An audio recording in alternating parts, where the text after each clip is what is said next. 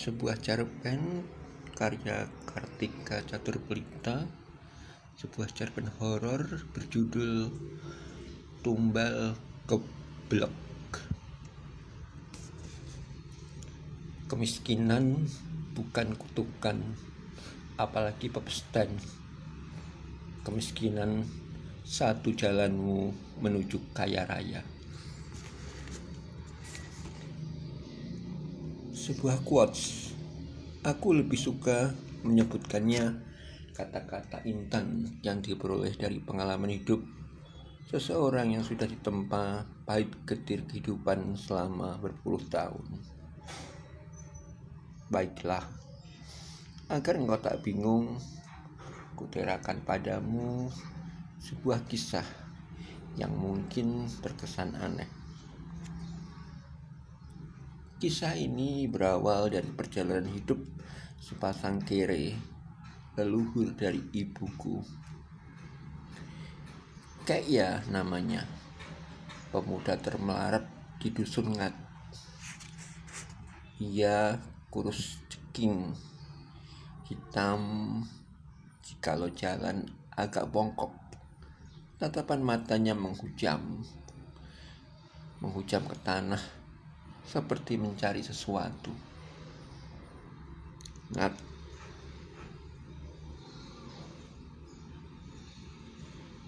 Kayak iya bekerja mencari ikan di sungai. Setiap memperoleh ikan sekecil apa pun selalu dijualnya. Sehari-hari dia makan nasi hambar. Nekti perempuan kere bertubuh kurus pendek, berambut rawarawe, buruh tani, tandur, panen nutu. Bila mendapat upah gabah, ia akan menutunya dengan khidmat. Hasil tutuan berupa beras disimpannya. Jika sudah banyak, ia jual. Sisa tutuan yang berupa menir itulah yang ia makan. Begitulah takdir Kaya dan Nekti. Seperti tumbuh ketemu tutup menjalani hidup. Mereka sering melakukan tirakat, mutih, ngasrep, ngerowot, ngeblek. Apakah mereka berbahagia? Kayaknya mungkin pria bahagia ketika akhirnya menemukan bojo. Tersebab saat ia berjaga, tiada seorang perempuan sudi melirik, tidak janda, apalagi perawan. Bahkan sering keadaan fisiknya dijadikan cemoohan. Nekti, anak petani gurem, Lola, demikian pula ayah ibunya seorang pendatang dari daerah seberang. Ia tidak punya batang leluhur, namun bukankah pohon leluhur kita berasal dari bibit yang sama? Ku ceritakan satu kisah nelangsa terjadi pada Neti ketika dia masih perawan. Suatu hari Neti buruh tandur berkubang lumpur sawah sedang menanam bibit padi ketika tiba-tiba pemilik sawah, seorang perempuan yang cantik turun ke kubangan sawah dan menarik Nekti disertai hadikan serupa najis. Pergilah kau, naik dari sawah kepunyaanku. Aku tak butuh tenagamu, hai perempuan jelek, lemah, melarat, minggat kowe. Kau tahu apa reaksi Nekti? sama sekali tak marah. Dengan langkah biasa, naik ke darat. Sekilas memandang si pemilik sawah. Kemudian kaki yang kelopot lumpur ia langkahkan. Neti pergi. Tak peduli tatapan sesama buruh tandur dalam alur hidupnya sudah biasa tubuh bahkan jiwanya dilukai. Perlakuan ini belum seberapa giris. Ia teringat ketika usia perawan kencur 13 tahun kedua orang tuanya meninggal tersengat wabah usai penguburan ia berkulum sedih sendiri memilih tidur di depan bekas orang tuanya dimandikan. Beberapa malam ritual tidak tidur. Suatu malam Neti bersua kedua orang tua. Mereka terlihat bahagia mengajaknya bermain, berbincang, meski tak sepatah kata keluar, hanya senyum Senyum yang kemudian diartikannya sebagai lambang ketabahan. Kala Neti menuturkan bahwa perempuan cantik pemilik sawah pada suatu fase kehidupan jatuh miskin dan bekerja pada Neti yang kaya raya sebagai tuan tanah. Mungkin kau bingung. Bagaimana? Kayaknya Neti tiba-tiba menjadi kaya raya. Kawan tiada hal yang instan di dunia ini. Bahkan membuat mie instan pun kita harus menyeduh air panas terlebih dahulu. Ku ceritakan satu rahasia padamu tentang Kaya yang pada titik nadir kehidupan ingin mengubah kemiskinannya Konon ia mendatangi seorang wali yang masih tergolong kerabat. Kekayaan bagi seorang sepertiku bagai membalik tangan, tutur sang aulia. Kau ingin kaya, kaya? Atas izin sang pencipta, kan kutunjukkan padamu jalan. Pergilah kau ke Kaliliwo. Kau perhatikan permukaan kali jika air sungai meluap deras, berarti keinginanmu terwujud.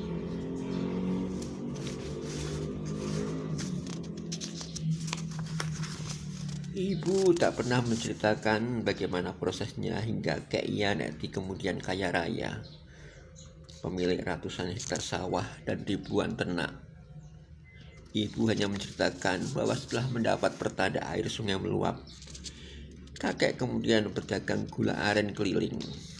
Neti menggarap sepeda tanah yang terbeli setelah ia memecah tabungan di saka bambu rumahnya. Dagangan kakek laris. Beberapa orang berhutang, ada yang tidak sanggup melunasi, memilih membayar dengan tanah. Namun, apakah dengan semudah itu kakek menjadi seorang tuan tanta? Sepotong rahasia kecil diceritakan nenek padaku. Mereka bilang, kayak memiliki pesugihan berupa kecik. Tutur ibu suatu hari seperti berbisik antara yakin atau takut. Kecik itu apa bu? Tanyaku menguar rasa penasaran. Aku banyak mendengar nama makhluk pesugihan yang pernah diceritakan orang-orang. Babi ngepet buto ijo nyiblorong tuyul dewi lancar kecek itu serupa tuyul jelas ibuku. Bedanya kalau tuyul menyusu susu perempuan kalau kecek menyusu pejuh lelaki Usiaku 13 tahun saat mendengar tutur ibu. Aku membayangkan kakek memberi makan pesugihan kecil. Bagaimana caranya? Bagaimana pula kerja si kecil dalam mencari uang?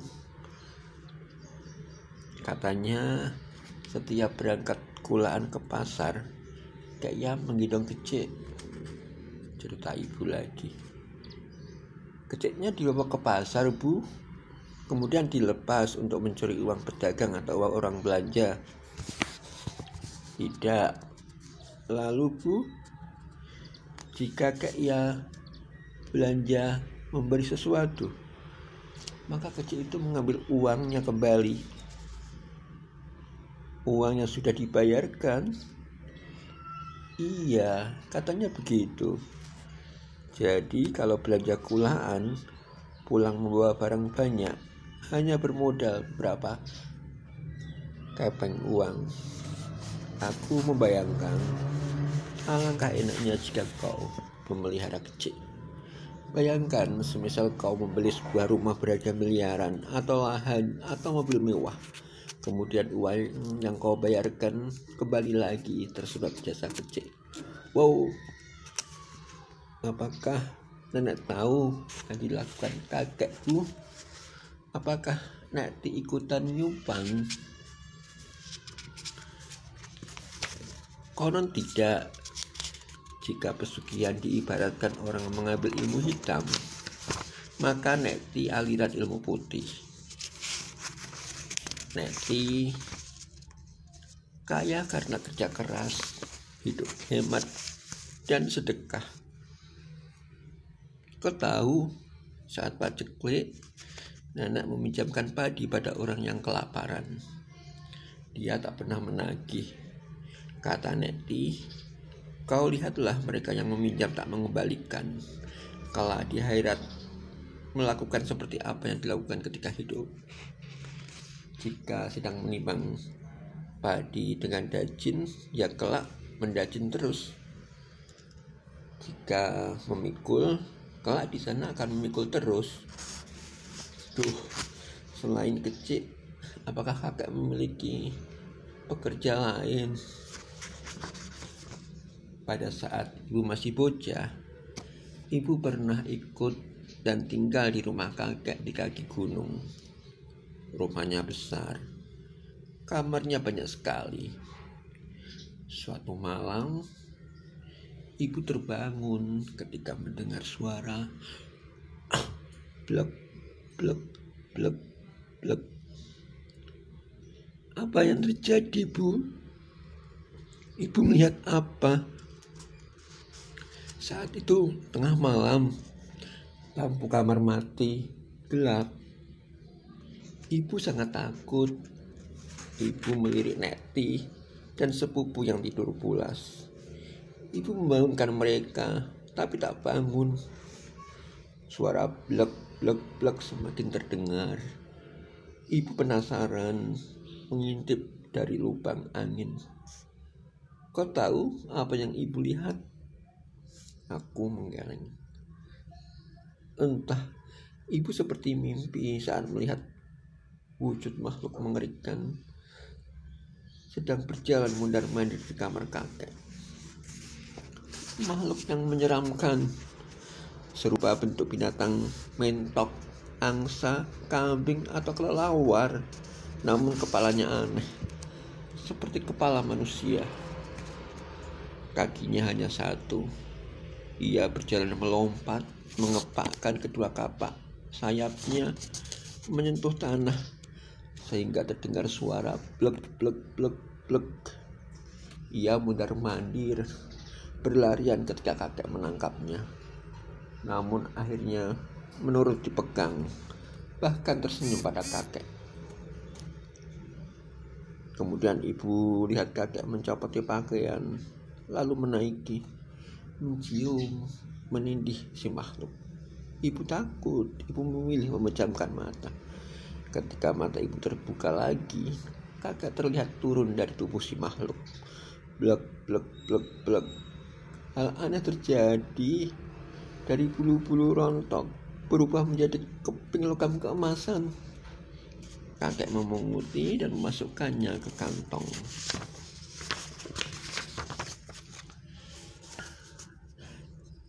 Kisah-kisah leluhurku yang memiliki pesugihan mendidikan hasratku menuruti jejak. Ku ceritakan padamu kala ibu mewariskan harta. Aku mendapat banyak bagian. Namun entahlah, semua hartaku ludes Bahkan aku dikejar-kejar tenir dan bang. Istriku minggat. Kau sudah yakin tidak mengambil pesugihan keblek dan kecil juru kunci sepuh mengulitiku dengan tatapan setajam belati. Aku mengiyakan yakin. Baiklah, sekarang sembari membaca mantra, kau ikuti langkah kakiku berjalan di dalam gua. Bila ada suara memanggilmu, jangan sesekali menengok. Kau tahu bahwa seperti halnya kelahiran, rezeki, dan kematian, ternyata mengambil pesugihan pun mesti berjodoh. Setiap orang bisa memiliki pesugihan seperti yang dimau. Kau tak mungkin memiliki kecil, apalagi keblek. Juru kunci menatapku tajam. Mengapa? Kau sudah melanggar pantangan. Itu bukan yang pertama. Masih ada penyebab lainnya. Ku ceritakan ketika aku menekuni ritual memasuki gua pengap berhawa bunga kandil dan seribu dupa. Kelelawar berterbangan, seseorang yang ku kenal memanggilku. Suara almarhum ayahku. Tapi ketika aku menengoknya, Astaga, terlihat makhluk sangat menyeramkan. Naga berkepala manusia berparas bengis. Ia mengejarku, mengejarku bagi tidak memangsa. Ketahuilah nak muda, berapa orang lakukan pesugihan bahwa sesungguhnya mereka telah mengambil harta dari tujuh keturunannya kelak keturunannya pun kaya raya jika melakukan pesugihan moyangnya. Sayangnya, ada pada beberapa kasus seperti kakekmu. Kau tak mungkin mewarisi kecil, apalagi keblek seperti kakekmu.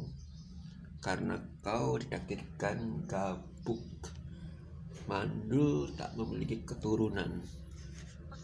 Kau tahu, cik hanya mau meminum pejuh yang bisa membuahi. Kau mengerti keblek? Keblek hanya mau dipelihara lelaki yang kuat bersetubuh, tidak mandul dan letau sepertimu. Ku ceritakan padamu sebuah kisah tragis saat seseorang hendak mengambil pesugihan, bukan mendapat keinginan, ia malah dicemooh. Kemudian ia mengamuk hendak membunuh juru kunci bangsa. Sang juru kunci berubah wujud menjadi seekor ular naga. Ia eh, si lagi dicabik-cabuk dicabik-cabik cakarnya. Untung seseorang menolongnya. Kemudian lelaki itu diobati sebelum akhirnya mesti mendekam di rumah sakit jiwa. Lelaki itu aku